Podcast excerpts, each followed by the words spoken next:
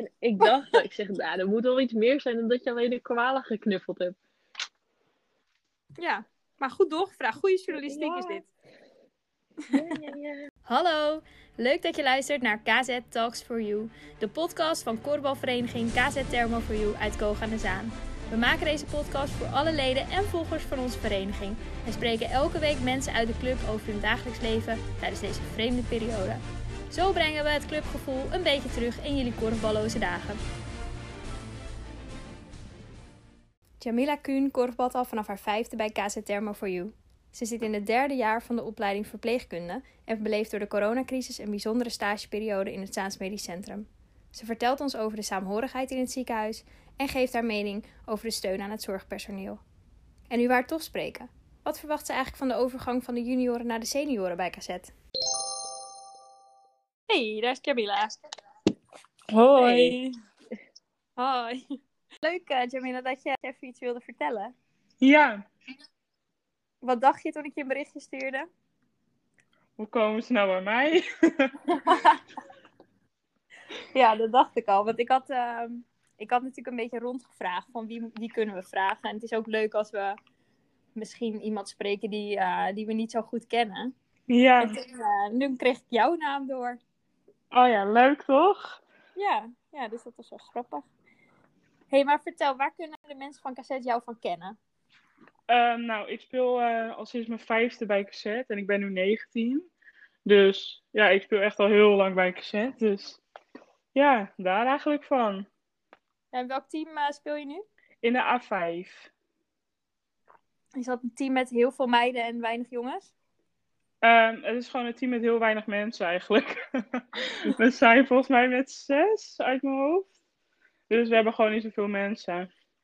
Oké. Ja, want jullie hebben wel volgens mij regelmatig invallers ook. Ja, klopt. Ja. Ja. Oké.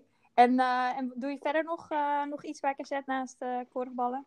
Ik begeleid het team van de week. Oh ja, ja. En Samen wat, met mijn moeder. Wat houdt dat eh, in voor de mensen die dat niet eh, weten? Eh, nou, zeg maar bij de wedst- thuiswedstrijden, dan vang je de kinderen op. En begeleid je ze eigenlijk, leg je uit wat er gaat gebeuren.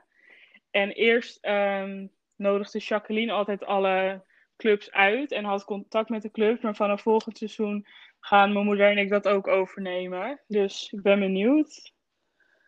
Oké. Dus dan, eh, dan kijken jullie welke clubs in de buurt eh, zouden het leuk vinden om, eh, Ja, om te precies. komen. Ja. Ja. Oké, leuk. En hoe ben je, ben je daar zo bij gekomen? Via je moeder? Of, Nou, ik weet het eigenlijk. Mijn moeder deed dat als eerst. En ik hielp er wel eens. En toen op een gegeven moment, ik vond niet zo leuk. En toen werd dat dus ook een vrijwilligerstaak. Dus schreef ik me eigenlijk altijd in. En vanaf afgelopen seizoen stond ik gewoon standaard daarin geschreven. Dus ja, ik ben er ja, zo een beetje bijgekomen. Ik weet eigenlijk niet precies hoe dat is gegaan meer. Oké. Nou ja, dat is wel, eh, wel ook nog een goede tip inderdaad voor de luisteraars die, eh, die het niet leuk vinden om kantinedienst te doen. Ja, want ehm, inderdaad, je kan je ook nog gewoon inschrijven. Volgens mij is er één inschrijfmogelijkheid per wedstrijd nog. Ja, precies. Ja, ja ik denk dat, heel, dat, dat best wel veel leden denken dat, eh, dat de kantinedienst het enige is wat je kan doen. Maar er zijn natuurlijk veel meer. eh, Ja, precies. En het is best wel leuk hoor om te doen. ja, met, een beetje met zenuwachtige kinderen. Ja, precies. Ja, want zijn Ja, ze wat- dan heel, heel vaak zenuwachtig? Nou, het ligt er een beetje aan. Meestal zijn die kleine clubs, die kinderen zijn heel erg zenuwachtig en die zitten allemaal heel braaf te kijken.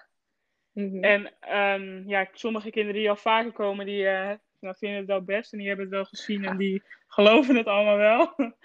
maar ja, het verschilt echt per team wat je hebt. Ik denk ook wel dat die kinderen van cassette, die, die zijn ook wel gewoon iets brutaler. En die weten ook van met wie wil ik oplopen. En, Ja, eh, precies. Ja. Oh ja, grappig. Leuk.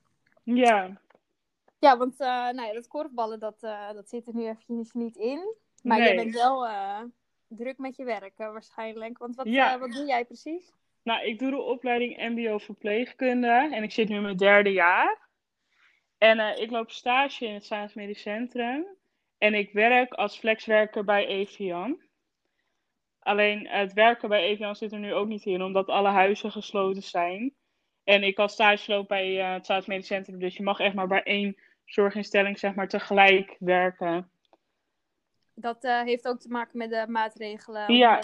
Oké. Ja, klopt. En Dus moest, nu- je dan, moest jij dan kiezen? Of? Ja, ik moest kiezen tussen Evian en eh, mijn stage dus bij het Zaans Medisch Centrum. En ik heb wel echt voor mijn stage gekozen, omdat ja, school is toch wel belangrijker dan werken. Ik weet, denk dat Sanne daar anders over denkt, of niet zo? Soms. Nee, maar ik vind het inderdaad, ja, je moet een keuze maken en in deze tijd snap ik je keuze volledig inderdaad. ja, En eh, het telt nog steeds helemaal mee voor school en eh, daar is geen probleem mee. Eh, nee, het telt allemaal nog gewoon mee voor school. Alleen zeg maar examens of zo dat ik in de praktijk moet doen. Ja, eerlijk gezegd, daar is niet, daar is niet heel veel tijd voor. Omdat begeleiders natuurlijk ook gewoon druk bezig zijn. En daar heb ik ook wel gewoon begrip voor.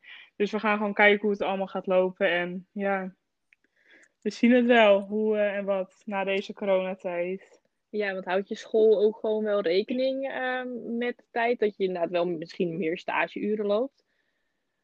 Eh, ja, daar houden ze wel rekening mee. Eh, zeg maar op donderdag heb ik dan meestal online school. En dan kan je je ook gewoon afmelden als je bijvoorbeeld stage moet lopen. Oké, oh, dat is wel een goeie. Ja, Ja, want hoe ziet jouw, eh, jouw stage in het uh, Zaans Medisch Centrum eruit? Wat, eh, op wat voor afdeling? Nou, ik loop 24 uur per week stage op de afdeling beschouwend. Daar heb je dus, ja, best wel veel specialismes, zoals eh, oncologie, eh, longziektes, maag, maag-darm-lever, interne, eh, neurologie. En zo heb je er best wel veel specialismes. En ehm, ja, de helft van de afdeling is nu gesloten voor corona. Daar liggen dus alleen maar coronapatiënten. En de andere helft van de afdeling is nog gewoon reguliere zorg. Oké. Oké. Die afdelingen zijn wel een beetje heringericht. eh, Ja, precies. Ja, daar mogen ook helemaal geen eh, bezoek komen. En is er dan ook, is dat dan ook voor het personeel eh, zo afgesproken wie wel en niet op die afdelingen komen? Nou, personeel die wordt daar wel gewoon ingezet, zeg maar. En stagiaires mogen kiezen of ze wel of niet op de corona-afdeling willen werken. Dus wij hebben gewoon de keuze, zeg maar. En wat heb jij gekozen? Nou, ik heb ervoor gekozen om daar niet te werken, omdat ik zelf ook de ziekte van Crohn heb. En ik gebruik daar eh, medicatie voor via het infuus, waardoor mijn immuunsysteem best wel laag is. En in overleg met mijn arts hebben we besloten omdat, dat ik daar niet ga werken en gewoon eh, reguliere zorg blijf geven.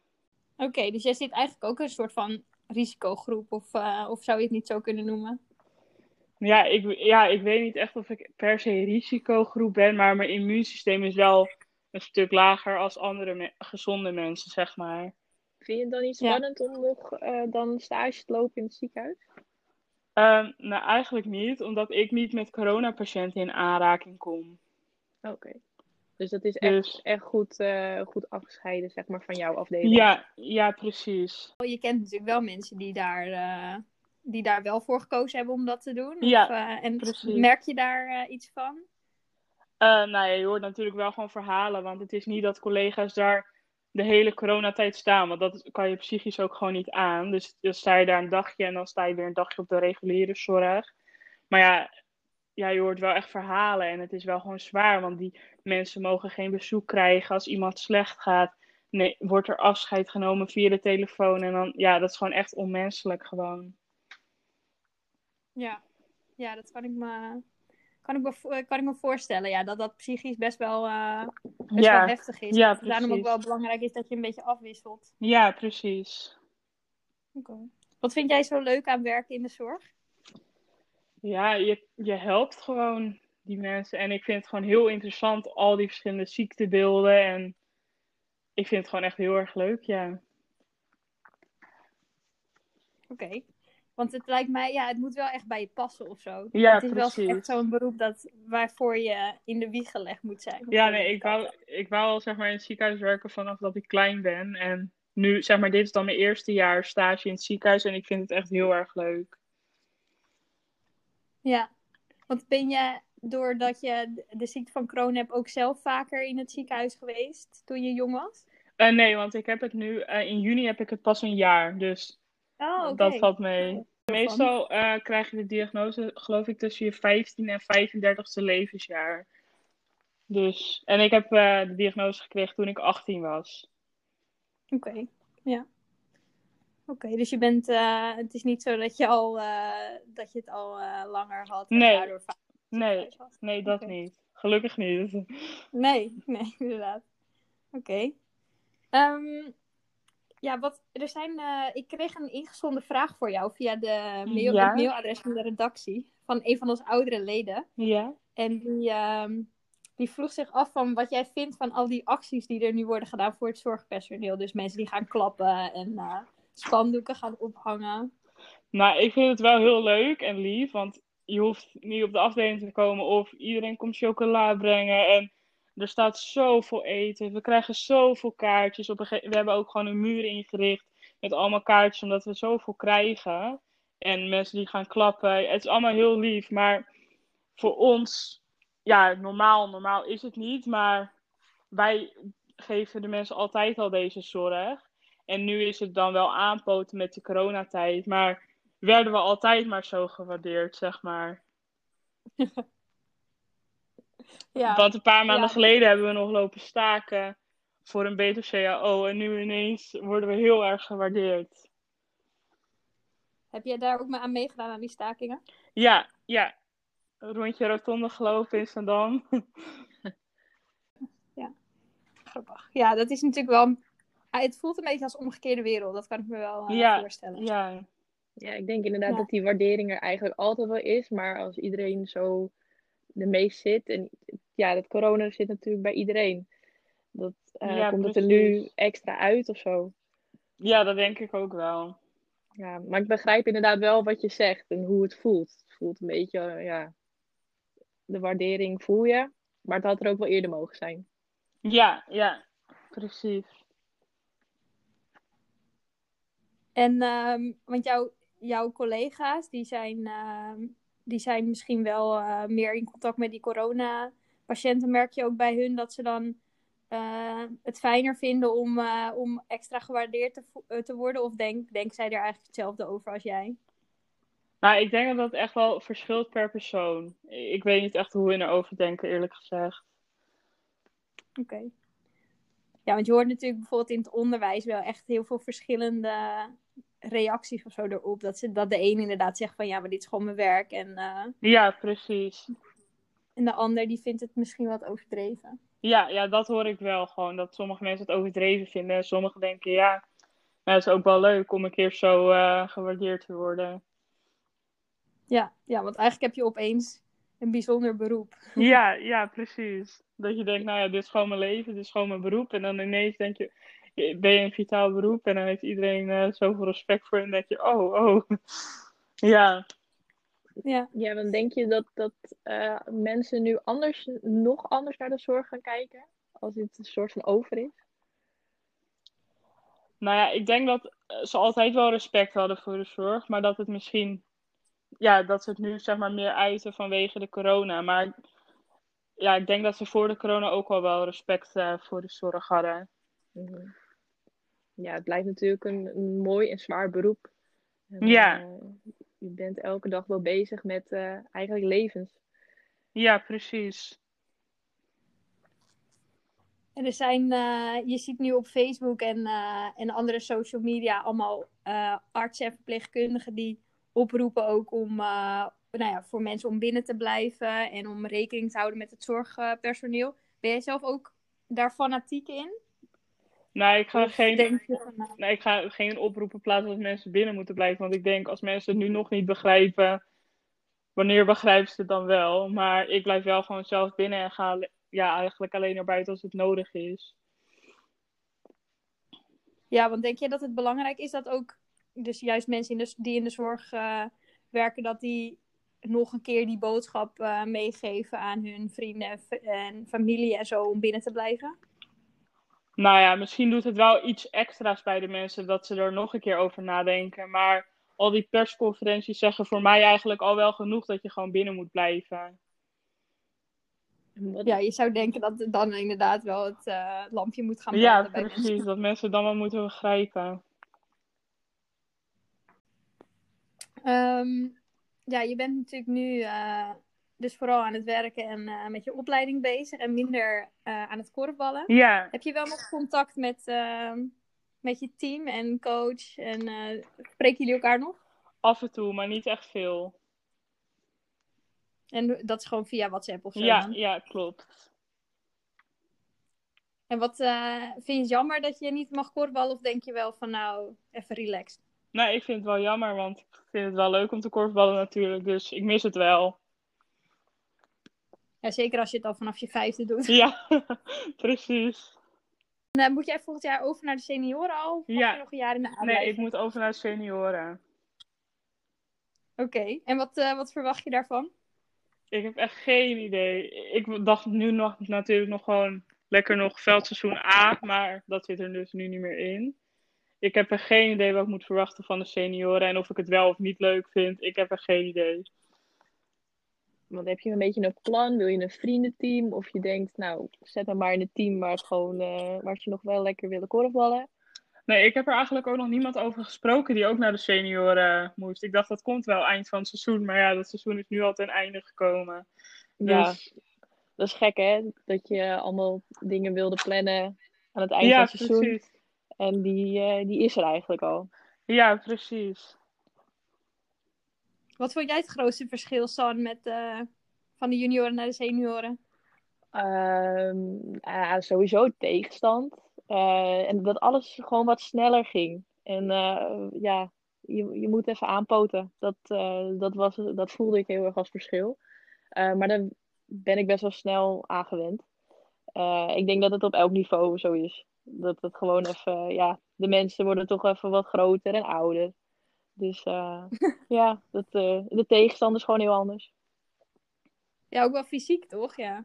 Ja, zeker. Ik eh, denk dat dat wel komt. Jij, nu sta je nog tegen je team en en je leeftijdsgenoten, zeg maar. Zo Ja, meteen kan je tegen iemand van nou, in de 30 staan, bij wijze van Ja. spreken. Ja, want hoe oud ben jij, eh, Jamila? Ik ben 19. Oh ja, oké. Ja, maar jij bent niet, eh, volgens mij ben jij niet een speelster die eh, fysiek contact uit de weg gaat, toch? Jij, bent, jij gaat er altijd wel hard eh, in, toch? Ja, meestal wel. Volgens mij heb je dat echt al vanaf kleins af aan. Ja, klopt.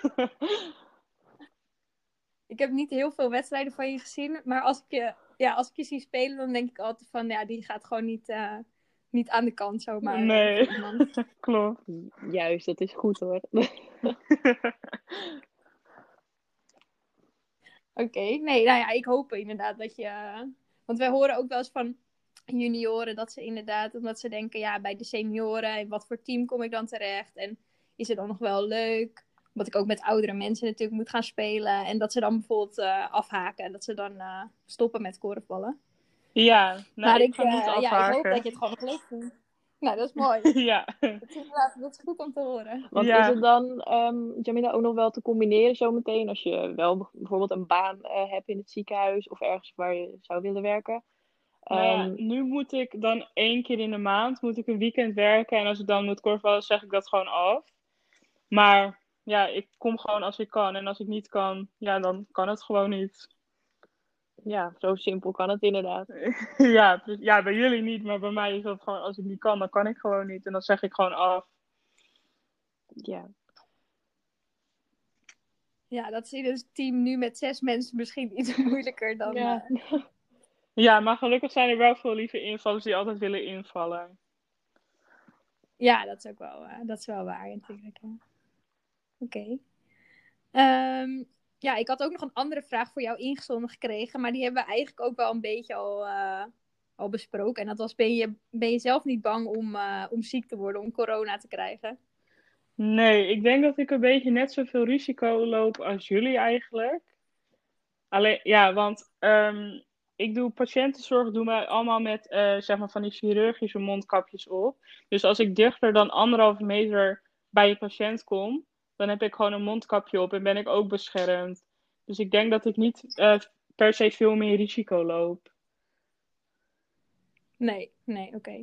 Dus je bent niet, eh, je bent niet bang eh, Nee, ook om naar de supermarkt te gaan of zo, of via, via te krijgen? nee. Nee. Oké. Ehm, ik had ook, we hadden ook nog een reactie op Facebook gekregen onder die post. Ik denk van een collega van jou, ja, of niet? klopt. Het is een collega. Ja, heel lief. Die zei, ik ben, eh, ik ben trots op je. ja, het is een collega van mij. En werkt die ook in het, eh in het Saans Medisch Centrum? Ja, ja, klopt. Ja, ik denk dat jullie wel veel aan elkaar hebben, denk ik, als collega's zijnde. Ja, het, is, het hele Saans Medisch Centrum is nu gewoon zo saamhorig. En iedereen helpt elkaar. En hulp komt echt uit alle hoeken. Dus dat is wel echt fijn. Ja, want komen er wel eens collega's naar jou toe die eh, op de corona-afdeling zijn, die wat met je willen bespreken of er ergens mee zitten? Ehm, nou, er is eh, zeg maar een psycholoog is nu beschikbaar. En die kunnen wij altijd bellen als we ergens mee zitten. En ze komen volgens mij twee keer in de week op de afdeling. En dan wordt er gewoon eh, de dag zeg maar geëvalueerd. Dan kan je gewoon vertellen wat je dwars zit. En je vindt ook wel dat het echt wel nodig is, dat het, ja, dat het helpen kan? Nou ja, op de corona-afdeling wel echt. Ja. Dan daar maak je echt wel erge dingen mee. Dus dan is het wel handig om dat gewoon te bespreken en er niet mee rond te blijven lopen. Ik vind het echt wel, eh, wel bijzonder om te horen. Ik denk dat er heel veel mensen zijn die nog, nog steeds denken van, nou ja, we hebben corona en hoe, hoe kan het nou zo, eh, zo erg zijn of zo'n impact hebben op mensen. Maar het is toch wel mooi om dan, om dan te horen van jou ook dat, eh, ja, dat er op zo'n serieuze manier mee om wordt gegaan binnen, binnen ziekenhuizen. En dat het echt wel impact heeft op mensen Ja, die, eh, die daar werkzaam zijn. Ja, Ja, nou, ik denk dat we heel veel eh, van je hebben gehoord. ja. Eh, echt leuk om, om even zo over van alles. ja leuk dat jullie mij hebben gevraagd. Ja. ja, want ik denk ook wel echt dat het leuk is voor, voor mensen uit de vereniging om een keer even iemand anders te horen dan nou iemand die we vaak op social media zien of Oh ja, op de website. ja. En, ja. En ik denk ook wel dat er mensen zijn die denken van, hè, speelt zij al vanaf de vijfde bij cassette? Dat had Ja. ik wel hoor, dat had ik wel. Wist ik niet eens. ja, Nee, als nou ik ja, er nu vijf. ken- eh, Iedereen kent je nu. of straks. ja. Ik had nog één vraag. joh. We moeten jou gaan aankondigen, ook in een podcast. Maar hoe spreek je jouw achternaam uit? Kuhn. Oké, Kuhn. Ja. want ik, ik zeg altijd maar gewoon wat. Ja, dat zegt iedereen. Hoor ik Koen, Kuhn? Nee, het is gewoon Kuhn. Nou, grappig. Ja. Weet ik, weet ik dat ook weer. Heel erg bedankt. Ja, ja, jullie ook bedankt. Ik vond het eh, leuk. Ja, succes verder Ja. met jullie verdere opnames. Vraagrondjes. Gaat lukken. Doei. Doei! Oké. Doei doei. Meike Gruis is blij dat ze thuis is na een reis naar Australië, die een maandje eerder dan gepland tot een einde kwam. Ze vertelt ons over de laatste spannende week Down Under, over haar werk in de zorg en geeft ook nog wat quarantaine beauty tips. Hey Megan. Hallo? Oh, ik hoor je heel slecht. Wacht. Oh, Ja, beter. ja? Ja. Het Gelukkig. klinkt alsof jij onder de douche staat. Ja, een beetje weet ver weg. Oh, ja, jullie horen klinken ook een beetje ver weg. Eh, nou, leuk dat je eh, bent, Megan. Nou, bedankt. Ehm, ja, als eerste wat we eigenlijk altijd vragen eh, aan onze gasten is, hoe was je week? Dus voor jou ook. Nou, mijn week begon eigenlijk op Schiphol weer, hier in Nederland. De afgelopen, nou ja, vorige week woensdag. was er een hele opluchting. Ik heb voornamelijk ja, veel familieleden gesproken over mijn reis. Vrienden gesproken over mijn reis. Wel natuurlijk allemaal via Skype en FaceTime. Nou ja, behalve oom Maria, want die, eh, nou, die is eh, nergens bang voor blijkbaar. Die kwam, eh, die kwam gewoon rustig even langs. Ehm, wel op afstand natuurlijk. Maar ja, voor de rest heb ik vrij eh, weinig eigenlijk nog gedaan. Ik mag niet werken. Ik werk natuurlijk in de zorg. Dus ik moet eigenlijk twee weken nu nog thuis zitten voordat ik eigenlijk weer wat mag doen. Dus ja, voornamelijk zit ik gewoon thuis. Een beetje met mijn familie. ja. Ja, want zometeen eh inderdaad even over je reis. Want je hebt een hele mooie Ja. reis gemaakt. Ja. Eh, maar eh, eerst over cassette. Want hoe kunnen mensen jou kennen eigenlijk? nou, ik ben Mee Gruij. Ik ben 20 jaar. Ik heb nou, sinds mijn vierde zit ik al bij cassette. Ja, ik ben er even na de A1 ben ik eruit geweest omdat ik een blessure had aan mijn knie. Afgelopen jaar heb ik eventjes cassette 3 uit de brand geholpen. eh, omdat de damesproblemen bij cassette natuurlijk nogal groot zijn. Eh, en voor de rest geef ik al heel lang trainen. En ik ben op dit moment eh, samen met Ian en Thijs eh, trainer van de B2. bij cassette. Ja. Leuk. Dat eigenlijk. En, ja, en denk je nog wel eens dat je weer gaat korfballen? Nou, dat had ik eigenlijk wel een beetje. Ehm, ik moet ook wel gaan kijken hoe het met mijn knie gaat. Want ik heb nu helemaal geen last meer. En ja, dat bevalt me eigenlijk ook wel heel erg. Eh, dus wie weet, misschien aankomend jaar ehm, heb ik wel een beetje over nagedacht of, het allemaal, eh, of ik het wel allemaal wil. Ik wil het op zich wel, maar het ligt natuurlijk ook aan of het allemaal nog door kan gaan vanwege wat er nu gaande is. Eh, en anders sowieso ga ik later nog een korfbal in een vriendenteam, dat weet ik 100% zeker. Dat is leuk. Maar en ehm, je zegt dat je trainer bent. Ja. Hoe vind je dat? Nou, mijn fantastische ploegje is al twee keer kampioen geworden. Eerste veldhelft en in de zaal. Voor de coronastart waren we al kampioen. Dus dat was eh, wel fijn. Eh, helaas kunnen we niet nog een keer kampioen worden, wat ons doel was. Drie keer kampioen. Eh, maar ik ben wel super trots op ze. En ik heb zo'n leuk team. En ja, ik ben wel heel blij dat ik in ieder geval het grootste deel erbij heb kunnen zijn. Ja, want ehm, spreek je je ploeg nog? Mijn kinders? Ja, mijn kinders. Nou ja, ik heb natuurlijk twee van mijn neefjes in mijn, in mijn ploeg zitten. Dus eh, ja, daar heb ik inderdaad nog wel contact mee gehad. En ik heb met uh, Brit Sas heb ik af en toe nog even geïnsta-DM'd uh, toen ik op reis was, hoe het, hoe het was. En ja, ik heb voornamelijk wel met, met de coaches natuurlijk nog onderling contact gehad over, over de prestaties en alles. maar ja, het is nu iedereen is maar een beetje zijn eigen ding aan het doen, denk ik. Niet Ja. meer heel erg bezig met het korfbal. Nee, vind je dat jammer? Mm, ja, ik vind het wel jammer. Want nu ik terug was, ehm, of terug ben, ja, wel een maand voordat het eigenlijk gepland was. Ik had wel allemaal leuke trainingen bedacht. Ik heb voor ze allemaal souvenir meegenomen. Dus Oh. daar, eh, daar moeten ze nog even op wachten tot we elkaar eindelijk weer mogen zien. En eh, we zijn druk bezig met het plan om toch nog een afscheidsfeest te geven. Als het eindelijk weer mag.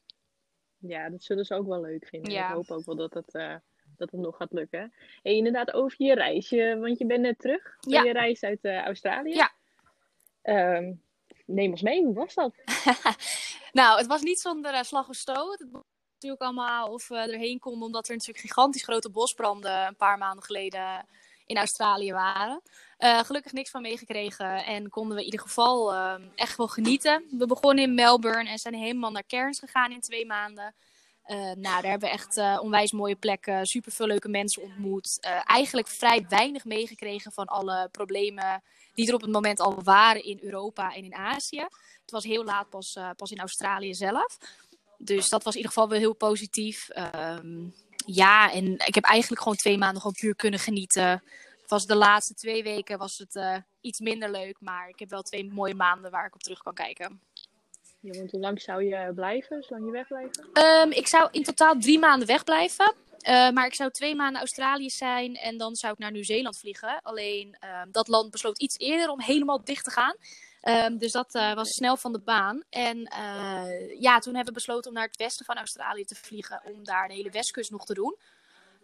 En toen we daar eigenlijk aankwamen in Perth, precies dezelfde dag, we waren net in het hostel. Toen kregen we een bericht van de overheid dat eh, de provinciegrenzen van Australië dicht zouden gaan. Wat betekende dat we eigenlijk vast zouden zitten in, eh, in Perth. Dat was iets minder. Ja, dat eh, lijkt me niet een heel fijn idee. Nee, zeker niet. Nee.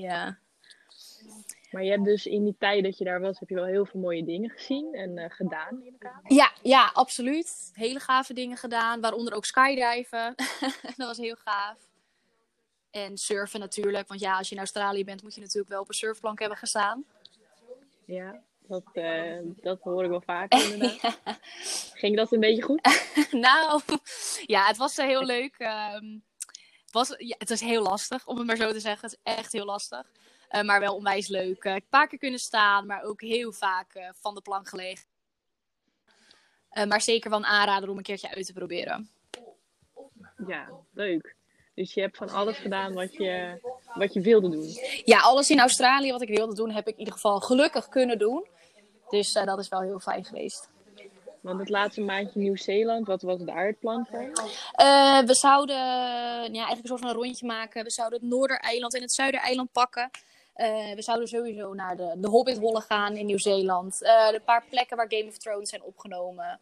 We waren van plan om daar te gaan snowboarden. Want dat is een van de weinige landen waar je het hele jaar door de op kan om, eh, om te wintersporten als het ware. En dat hebben we helaas niet kunnen doen. Het zou wel mooi zijn om eerst in je bikini te liggen op het strand en dan de volgende dag in je hele snowboardpak de piste af te gaan. dat was wel jammer. Maar ja, het, het blijft. Hopelijk drijft het niet weg het land en eh, kunnen we, kan ik er alsnog een keertje heen. Ja, dat is wel je plan. Leuk. En wat wil ik nog vragen? Oh ik hoorde altijd we. Met eh, wie ben je heen? Oh, ja, ik ben met een meisje van mijn vorige opleiding heen geweest. Ze heet Naomi. En eh, ja, ik kende haar eigenlijk pas een jaar. Dus dat was, wel een beetje, was een beetje tricky dat we toen meteen besloten om zo'n eh, reis te maken. Maar het is super goed gegaan. Zijn met z'n tweetjes geweest. eh, en eigenlijk geen ruzie gehad. Dus dat is ook een, een wereldwonder eigenlijk. Ja, je zit lang met elkaar natuurlijk opgeschreven. ja, ja. Nou ja, het was wel goed dat we ook heel veel andere mensen ontmoeten daar zo. Dus dat was ook wel heel fijn. En eh, je vertelde toen ehm, je eigenlijk je reis wilde beginnen, dat daar veel bosbranden Ja. waren. En eh, dat hebben we natuurlijk ook heel veel meegekregen. Ehm, toen die bosbranden over waren, toen begon eigenlijk een beetje de corona daar. Eh, nee, we hadden eerst nog even overstromingen. dat was ook heel leuk. Oh, Ja, er waren toen na de bosbranden kwamen er overstromingen, vooral in Melbourne. Ehm, gelukkig was ik daar net weg, dus ik heb er niet heel veel van meegekregen. Hetzelfde eigenlijk een beetje als de bosbranden. Dus hadden we ook weer een kleine mazzel mee. Ehm, maar ook daarna, ik denk dat ik nou ja, misschien op in mijn laatste week eigenlijk zat van mijn hele reis. Dat toen pas eigenlijk het, ehm, dat er pas de eerste gevallen waren in Australië. En dan praten we over 50 gevallen in heel Australië. En Australië is eigenlijk net zo groot als heel Europa ongeveer. Dus dat was vrij weinig. Eh, dus we hadden nog niet paniek. Eh, die gevallen waren ook in de grote steden voornamelijk. En daar waren we al voorbij. Dus ja, we hadden er eigenlijk gewoon. Ja, we hadden helemaal niks van meegekregen. We zagen wel berichten uit Nederland. En natuurlijk van mijn moeder, die allemaal dingen zei over. Wees je wel voorzichtig. En eh, bij ons is het gekkenhuis. Maar bij ons stonden alle toiletpapieren gewoon nog keurig op de. in de supermarkt, op de planken. En het was gewoon nog hartstikke normaal. ja, Maar wanneer had jij het idee, eh Megan, van nu is het wel serieus en nu moeten we er wel over nadenken om eerder terug te gaan? Ehm, toen de provinciegrenzen echt dicht gingen, toen hadden we wel zoiets van: oké, we kunnen nu het, het, zeg maar hetzelfde als de Nederlandse provinciegrenzen dicht zouden gaan. Je kon niet eventjes naar eh, Brabant rijden als je daarheen zou willen. Je zou dan eerst weer twee weken in quarantaine moeten voordat je die provinciestaat in kon. Dat was wel even lastig. En dat is wel slikken, omdat wij ehm, dus van plan waren om van Perth helemaal naar Melbourne te gaan. En dan moet je dus door drie provinciestaten heen.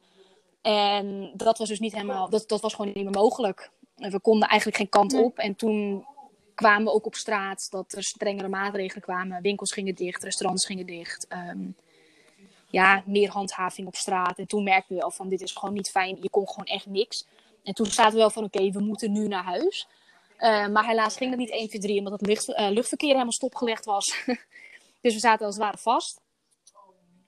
En toen, wat hebben jullie toen gedaan? Ehm, nou, we hebben ons ingeschreven bij de ambassade. Dat was wat ons reisbureau ook adviseerde. Schrijf je in bij de ambassade, die kon namelijk ook niks meer. Ehm, en die zouden contact met ons opnemen over noodvliegtuigen. Eh, dat duurde wel heel erg lang. Ehm, en toen kregen we uiteindelijk een berichtje van de ambassade. Nou ja, na vijf dagen dat er geen noodvluchten kwamen, maar commerciële vluchten van Qatar Airways. Ehm, dat was een speciaal programma dat ze opgericht hadden om mensen zeg maar, naar huis te brengen. Ehm, vliegtickets waren helaas niet eh, heel erg goedkoop, maar we kregen een kortingscode van de ambassade, waardoor ze toch wel iets betaalbaarder werden. Ehm, en daarmee konden we gelukkig naar huis. Hebben we, we hebben in totaal anderhalve week vastgezeten in de stad Perth. Voordat we naar huis konden. Oké, dat is best, dat is best ja, lang. dat is best lang, ja. Wat hebben jullie gedaan in die anderhalve week? Ehm, na de eerste drie dagen dat we daar eigenlijk waren, was eigenlijk nog alles open. Dus we konden gewoon nog winkelen, we konden nog naar de toeristische attracties, ehm, we konden nog uit eten. En dat was eigenlijk wel best wel bijzonder eigenlijk. En na, na die drie dagen ging het helaas dicht. Ehm, toen hebben we voornamelijk eh, uitgeslapen. Ehm, zijn we laat, nou zeg rond een uur of elf gingen we maar ontbijt halen in de supermarkt. En gingen we het maar opeten in een park. We hebben boeken gekocht, teken, kleurboeken, dat soort dingen. En eh, hebben voornamelijk gewoon in het park de hele dag gezeten. En eh, in het hostel hadden we goede wifi. Konden we Netflix, Disney Plus, dat soort dingen doen. En eh, ja, het was voornamelijk het uitzitten van de rit. Nou ja, het was Eigenlijk wat mensen hier nu ook ja, aan doen. ja, eigenlijk wel. Maar ja, we hadden mazzel dat het een dag voorliep op Nederland. Dus het, kwam, het, het voelde toch al een beetje alsof het iets voorliep op wanneer we eigenlijk naar huis konden. Dus eh, ja. Ja. ja, het was echt de tijd. En wat je toen, ehm, en toen uiteindelijk duidelijk was dat jullie weer naar Nederland zouden gaan, werd, kreeg je toen ook informatie over hoe het dan zou gaan? En dat je bijvoorbeeld in Nederland ook nog eh, in quarantaine Eh, was nee, want Australië was niet een zo getroffen land. Het was namelijk het was heftig, de, begrijp me niet verkeerd, maar het was niet zo heftig als bijvoorbeeld een Italië of een, eh, of een Amerika op dit moment. Het was eigenlijk vrij, ja, de aantal besmettingen over het hele land was toen wij terugkwamen iets van 1200. En zeg dat is over een gebied zo groot als heel Europa. Dus het viel wel mee hoe heftig het toen op dat moment was. Ehm, dus ze zeiden eigenlijk ook van. ehm, ja, het, het was eigenlijk, ze hebben niet gezegd overblijf in quarantaine, je mag je huis niet verlaten. Eh, wel werd er gezegd van let even op dat je niet meteen aan het werk gaat. Omdat je natuurlijk niet. Je hebt, ik heb net in, ik heb in het grootste vliegtuig van de wereld gezeten. Met zeg 600 man. En we zaten gewoon hutje een beetje op elkaar. Dus eh, ze zeiden wel van let wel even op ehm, dat je niet meteen bij iedereen op bezoek gaat. Eh, je weet niet wat je hebt opgepikt. Want je weet niet of er iemand besmet was in het vliegtuig.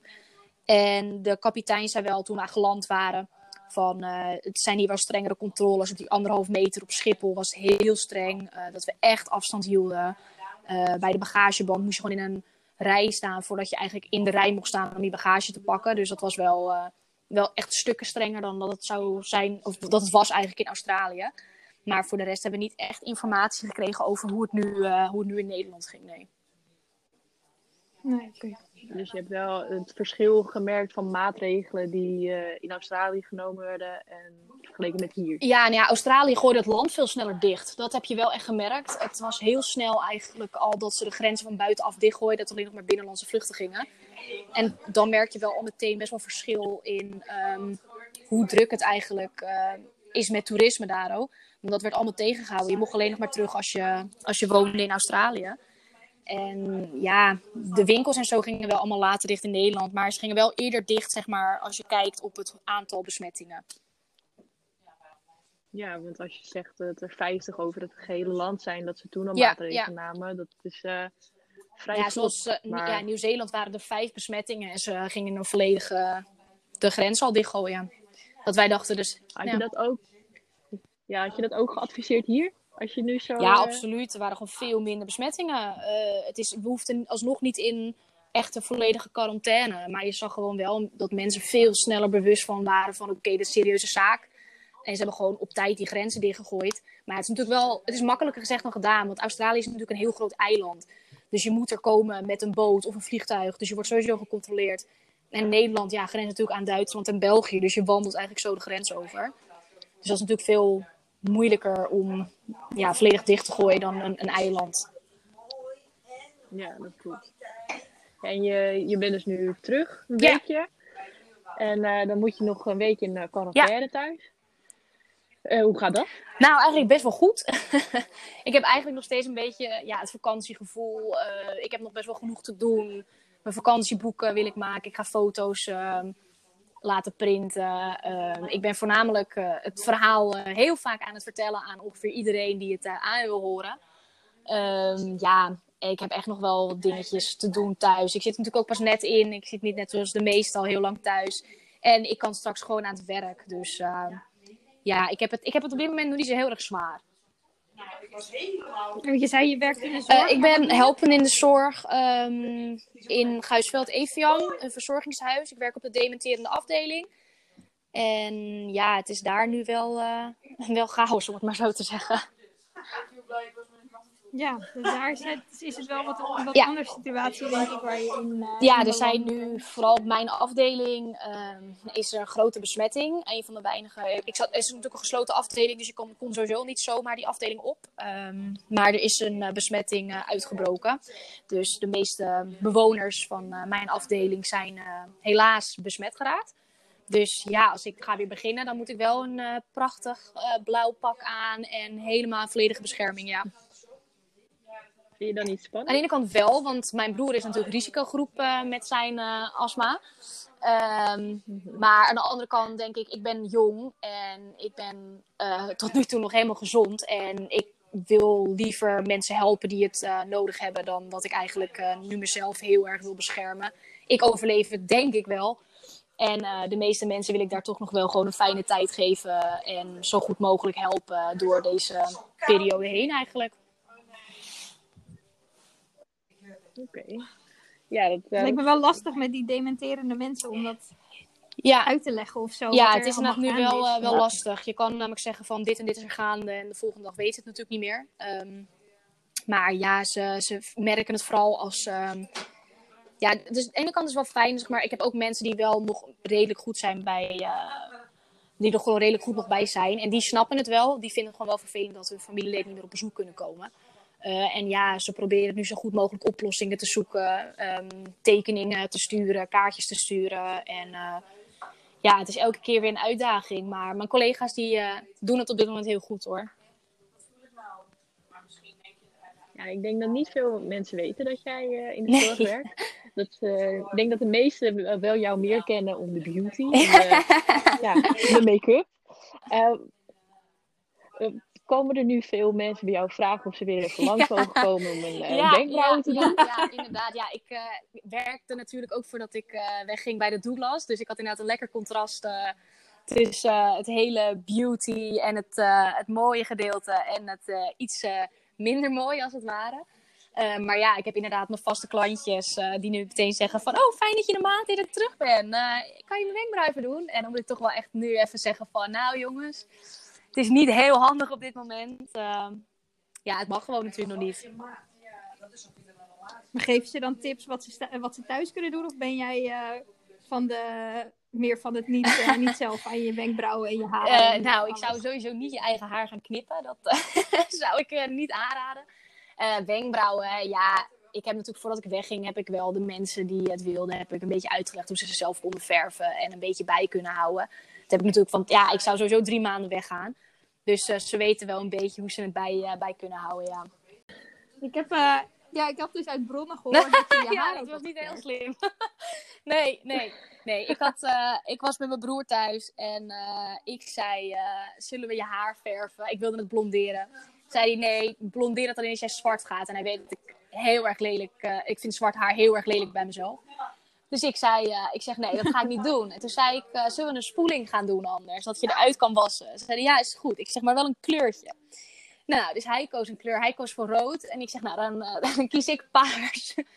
Maar het, was, het was geen succes. Het zag er echt heel erg debiel uit. Het, ja, het was wel heel komisch. Maar het is gelukkig nu bijna helemaal weg. Er zitten nog een paar paarse plukken in. Maar ja, het is wel heel leuk. Je hebt gewoon tien keer, tien keer je haar Ja, gewassen ja bijna dag. wel. Ja, is, eh, Ian heeft nu voornamelijk nog een aubergine gloedje in zijn haar zitten. en bij mij zitten er nog wel echt stukken die nog wel echt, echt paars zijn. Eh, maar ja, het is voornamelijk zit het in een knot. en gelukkig is het quarantaine, dus ik zie vrij weinig mensen. Nee, Nee. niet trendy. Hey, we hadden ook wat eh, vragen gekregen Ja. voor jou. En het waren niet echt vragen. Het was meer eh, of je er nog was, of Ja. je nog leefde. Van je vriendinnen, denk ik. Maar toch kwam er iets best wel vaak weer terug. En dat waren Ja. koala's. Is daar iets mee? Ja, ik heb, eh, ja, ik heb een koala geknuffeld. Heb ik vastgehouden. Dat was wel heel leuk. Ze zijn heel zacht. Voelen een beetje aan als geiten. Hetzelfde met kangoeroes.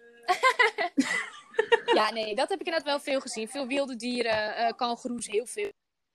Heel veel. Eh, ja, en koala's ook gewoon, eh, ja, alsof het niks is eigenlijk. Een soort honden en katten zijn het daar. Ja, of mensen houden ze daar niet Nee, thuis, nee, nee, maar wel in tuinen. Eh, heel veel mensen krijgen bezoek van eh kangoeroes in hun tuin. ehm koala's eh, planten eucalyptusbomen daar. En dan eh, komen er gewoon eh koala's in wonen. Ja, dat is wel anders dan als je hier een kat op Ja, het is inderdaad wel een beetje gek inderdaad. Maar wel heel leuk. Ja, dat eh, is waar. Maar niet eh, iets anders met koala's. Want het kwam wel heel vaak terug. Oh, ja, ik weet niet of je dat erin kan zetten. Nou, nee, het is zo dat als een, eh, als een koala op je plast en je hebt een wondje. koala's, koala's kunnen het gen dragen of die hebben ook chlamydia. Onder de koala's is er ook chlamydia.